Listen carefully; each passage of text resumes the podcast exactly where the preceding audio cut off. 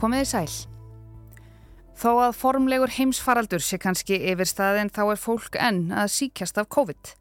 Og sjónvarpið það minnir okkur nú reglulega á þetta fyrðulega tímabill einu sinni í viku með stórgóðum þáttum sem heita Stormur og nýverið var opnað á möguleika á því að fá fymtu bólusetninguna.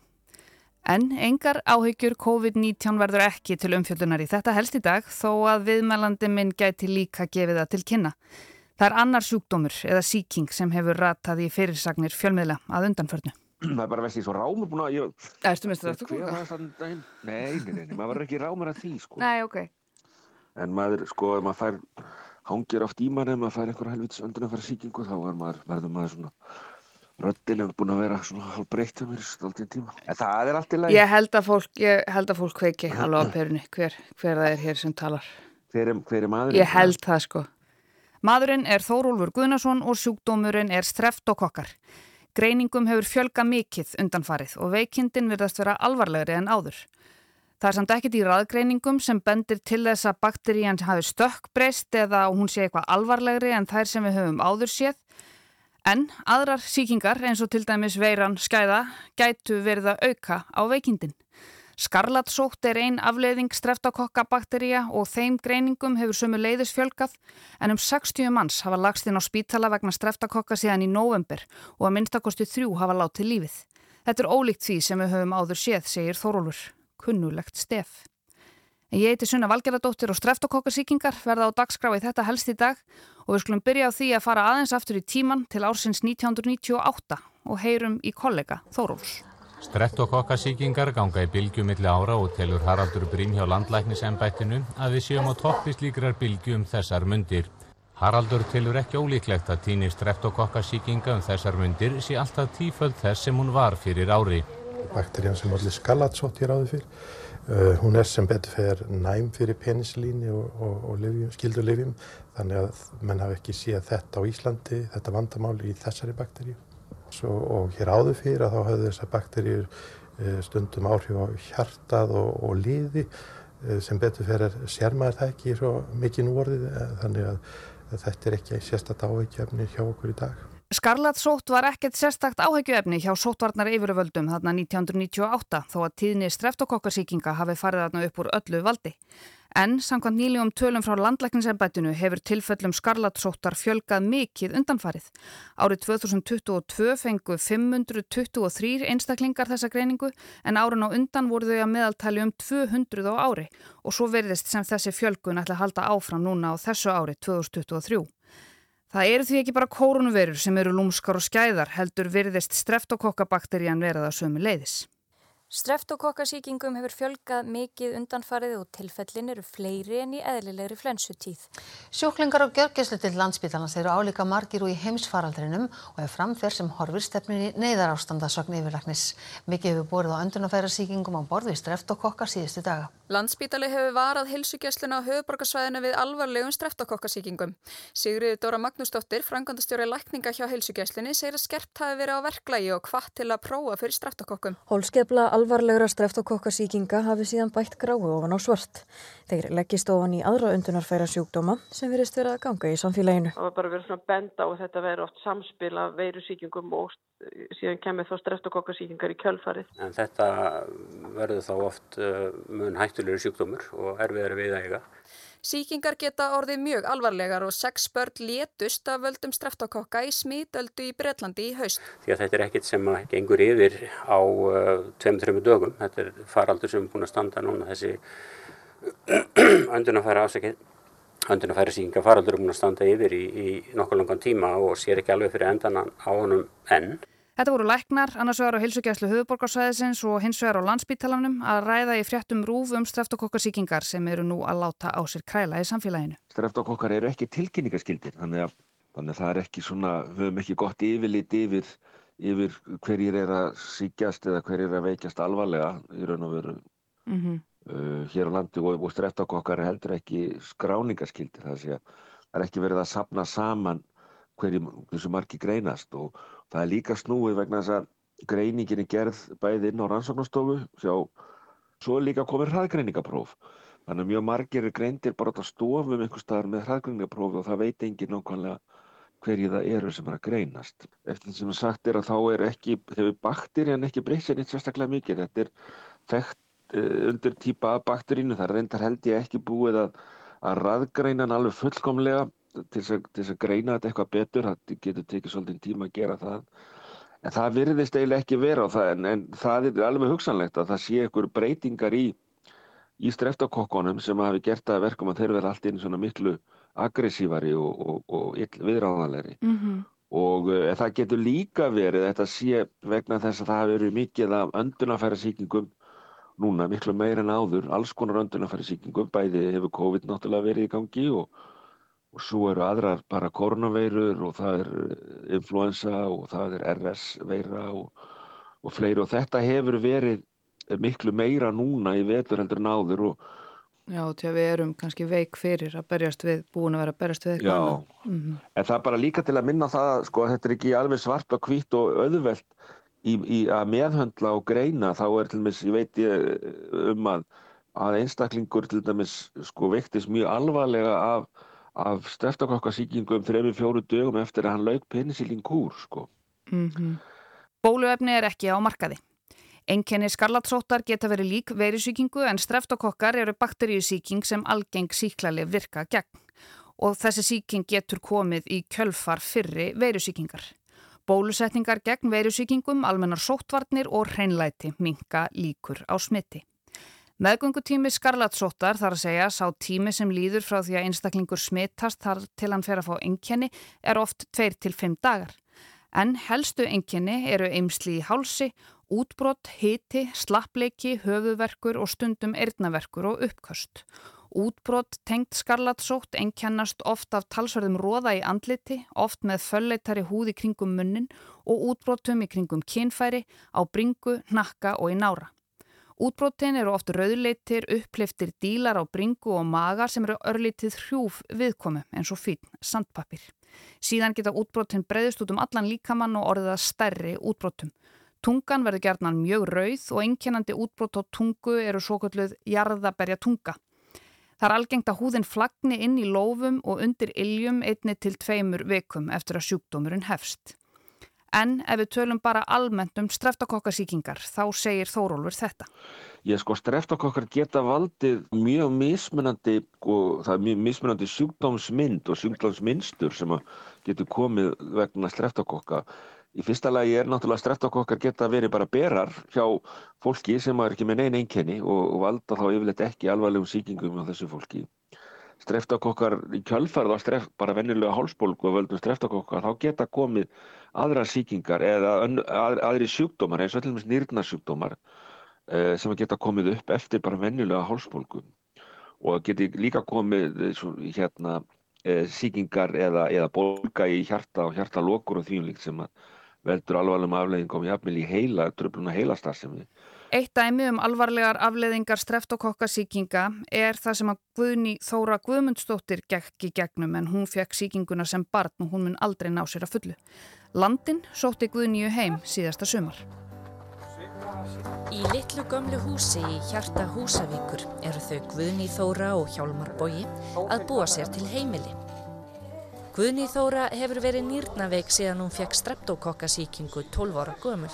Upp úr tvítugu fekk hún nýra frá föður sínum og núna, tæpum 20 árum síðar, var komin tími á annað. Ég var hann tölverst mikið lasinn og um, í raun og verið meira og minna bara rúmlíkjandi sko. Og þetta hefði mikil áhrif á börnin mín og, og ég var mjög sjáanlega veik og þau eru þrjú, sex, tólf og þrettan ára. Ég meina þau sopnu á kvöldin, vaknar mamma á morgun og þau sögðu mér það alveg. Það byrja að taka fram að maður Guðnýjar var þarna nýbúin að gefa henni annað nýrað úr sér. Það var almennileg gjöf, verður að segjast. En það var reynsla Helgu Marinnar Pálsdóttur af því sem var talið hálsbólga fjögura ára dótturinnar Lilju sem vakti mörg til umhugsunar nýverið. Helga Marin kom í mannlega þáttin á rás 1 um meðjan februar þar sem hún rakti söguna sem er líklega margtröð allra foreldra. Þetta var sjúkrahúsvist, gjörgæsla, öndunarvél, bakslag og aftur gjörgæsla.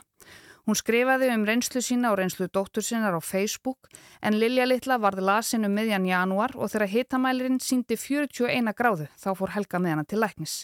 En hún var ítrekka sendt heim, læknarnir úrskurðuðu barnið með hálsbólgu og tóku engin síni. En Lilja Littla var bara veikari og veikari og lokum var tekið streftakokka síni og við tók þryggja veikna sjúkrahúsvist. En svo þegar ég kem á spítalan búið að tengja hana í alls konar tæki og svo hrætt allir læknarnir að reyna að finna út sko hvað er í gangi. Mm. og, og þá var tekinn strax svona rönganmynd og þá sáu við strax bara að vinstra lunga var bara rosalega síkt og mikill vögvi og, og það þurfti að setja svona dren. Já. og því fylgdi bara þurfti að svæfa hana sko og þá var í kjölfara ákveði að setja hana í öndunavél þannig að var þannig í nýju dag með þau voru að finna út sko. Og gildinennar voru bara ofbúslega há og ef þú veist með yfir tíu þá fer á síklarlið hennar voru 450 og svo er einhver svona einhver önnur. Það á að vera eitthvað á bylinn 0,7 til eitthvað. Og hennar 161 og þetta var bara að hæsta sem við gjörgjæsli hugunfræðingar hefur séð. Bara út bara, úr kortinu alveg. Já og bara með sko fullorni einstakling sko. Við höfum bara aldrei séð svona hátöljur þau vissu þetta var þarna hún alltaf var með streftukokka og þeir byrjuði í hálsunum og hefðu komist hann í lunga voru búin að síkja þar. Og þannig að hún komið svona lágum blóðhristing þannig að þetta var allt, öll líffarin voru farin að nýrun voru hægt að starfa, hún var ekkert búin að pissa sko. Þannig að þetta var orðið bara svona keðuverkun á líffarinnar. En það verist samt sem á að vera þannig núna að það er eitthvað svona greinilega eitthvað, eitthvað nýtt í loftinu með streftakokka búið að vera núna síðan í nóvömbi það sem að, að streftakokkarnir núna er að, er að valda miklu alvarlegri sjúkdómi oft á tíðum heldur en áður. Og þá er ég alvarlegri sjúkdómi þá er ég að tala um bara e, blóðsíkingum og, og, og, og svona e, það sem þið ráðast inn í vefi fólks e, bara vöðva og lungu og ég veit ekki hvað og hvað og valda mjög alvarlegum sjúkdómi. Og ég held til og með svo landsbytala hafi rúmlega 60 manns verið innlagðir með vegna alvarlega streftakokkasíkinga frá því í nógumber og, og, og þar held ég, held ég að, að hvaðan þrýr hafi látist þannig að þetta er mjög, mjög óvinnulegt landslaga núna þannig sem kallar á líka þá kannski breyta nálgun uh, á, á, á streftakokka uh, síkingar. Þetta sem við erum eiga við núna það er þess að alvarlegur svo kalluðu invasífu síkingar, það sé að bakterían hún framlegir svona eiturefni sem að geta bara brætt niður eh, vefi og það er það sem er svona alvarlegt núna sem að menn er að sjá að, að eh, bakterían hún ræðs bara inn í vefi og bræðir niður vefi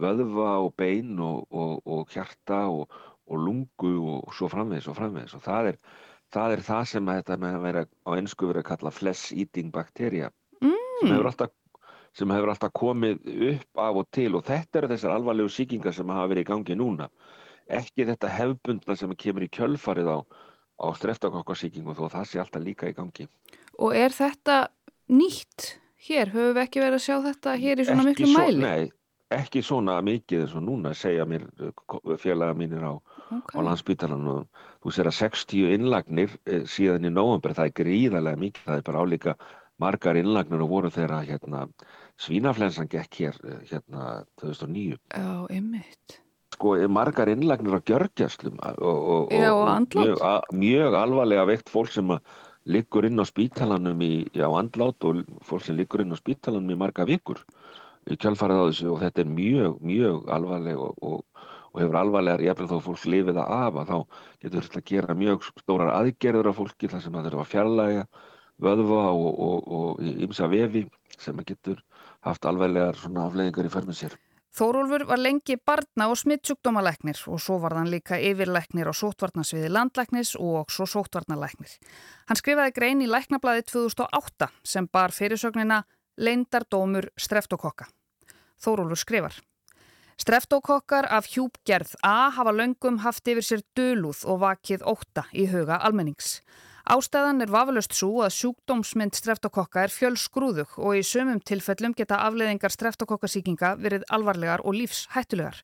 Einn algengasta sjúkdómsmynd streftakokka bæði hjá börnum og fullornum er hálsbólka en oft vil gleymast að veirur eru algengustu orsakavaldar hálsbólku. Á síðari árum, þetta var skrifað árið 2008 muniði, hefur nótkunn á hraðgreiningaprófum aukist töluvert enda prófin auðveld í nótkunn. Á sama tíma hefur krafa almenningsorði meira ábyrjandi um að fá þessi próf gerð án tillits til engjana því streftokokkar eru jú alvarleg bakteríja. Það sem hins var flækir greiningu á streftokkokka hálsbólgu er svo staðreind að stór hluti heilbreyðra einstaklinga, engum barna, eru með streftokokka í hálsunum sem ekki valda síkingu og kallast þeir streftokokka berar.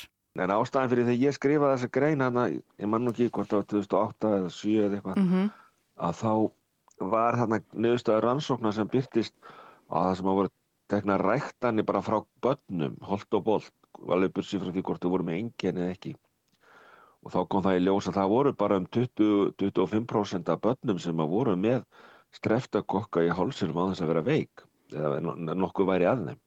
Og þegar ég var sagt, bæði e, sótarnarleiknir og smítsjútumarleiknir batna þá vorum við að, að, að byggja leikna um að nota þessi hraðgræningapróf og yfirvegaðan máta. Þar að segja að við erum ekki að taka bara hold og bolt úr öllum sem að sem að hugsanlega bara væri, eitthvað væri að vegna þess að þá var það mikla líkur á því að finna þess að setja okkur að bera og þá eru þau settir á síklarlif og, og það er oft sem að síklarlifi ná ekki að uppræta uh, sko berastíð en það gildi bara í þessu eins og, eins og í öðru að, að, að auðvitað á fólk að leita til læknis ef það er með uh, einkenni sem það hefur sjálft áhyggjur af mm -hmm.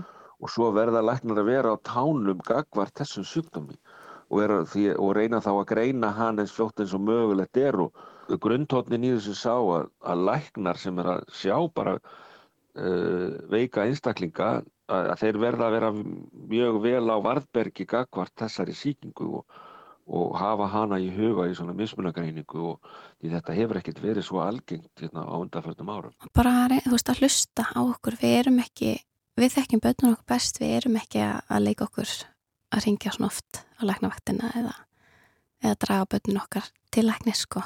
Þetta getur það komið upp að í, í þessari kraðaki möndunafæra síkinga eins og nú er að, að það getur verið erfitt að greina byrjunar einkennin algjörlega frá öðrum uh, veirusíkingum til dæmis eða frá veirusíkingum uh, uh, en þetta gildir bara eins og um aðra sjúkdóma að vera á verði að fólku svona leiti til læknis þegar að telur sér vera alvarlega veikt mm. og ég er ekkert endilega að segja allir sem að fá hálspólku eða kvef eða hýta þurfa að leita endilega til læknis en ef að fólk hefur áhyggjur mm -hmm. að þá þarf það að leita til læknis og lækna þurfa að vera að vara byrki. Það er alveg klart. Mm -hmm. Sagði Þórólfur Guðnarsson og þó að ástandi núna sé ekki eins og það var í mars 2020 Víðir bendir fólki á að senda einungis einn af heimilinu út í búði í einu og vera með tilbúin innkaupalista til þess að takmarka tíman sem fólk velur í búðinni. Ef fólk er kvefað, verið heima. Ef þú ert með beinvirki og einhvað slíkt, verðu heima. Ef þú ert ekki alveg örugum með þetta, það líður ekki nógu vel og heldur kannski að verða veikur, verðu þá heima. Þá er um að gera að passa vel upp á sig og hafa varnaðarorð Víðis, Þóróls og ekki síst helgumarinnar í huga.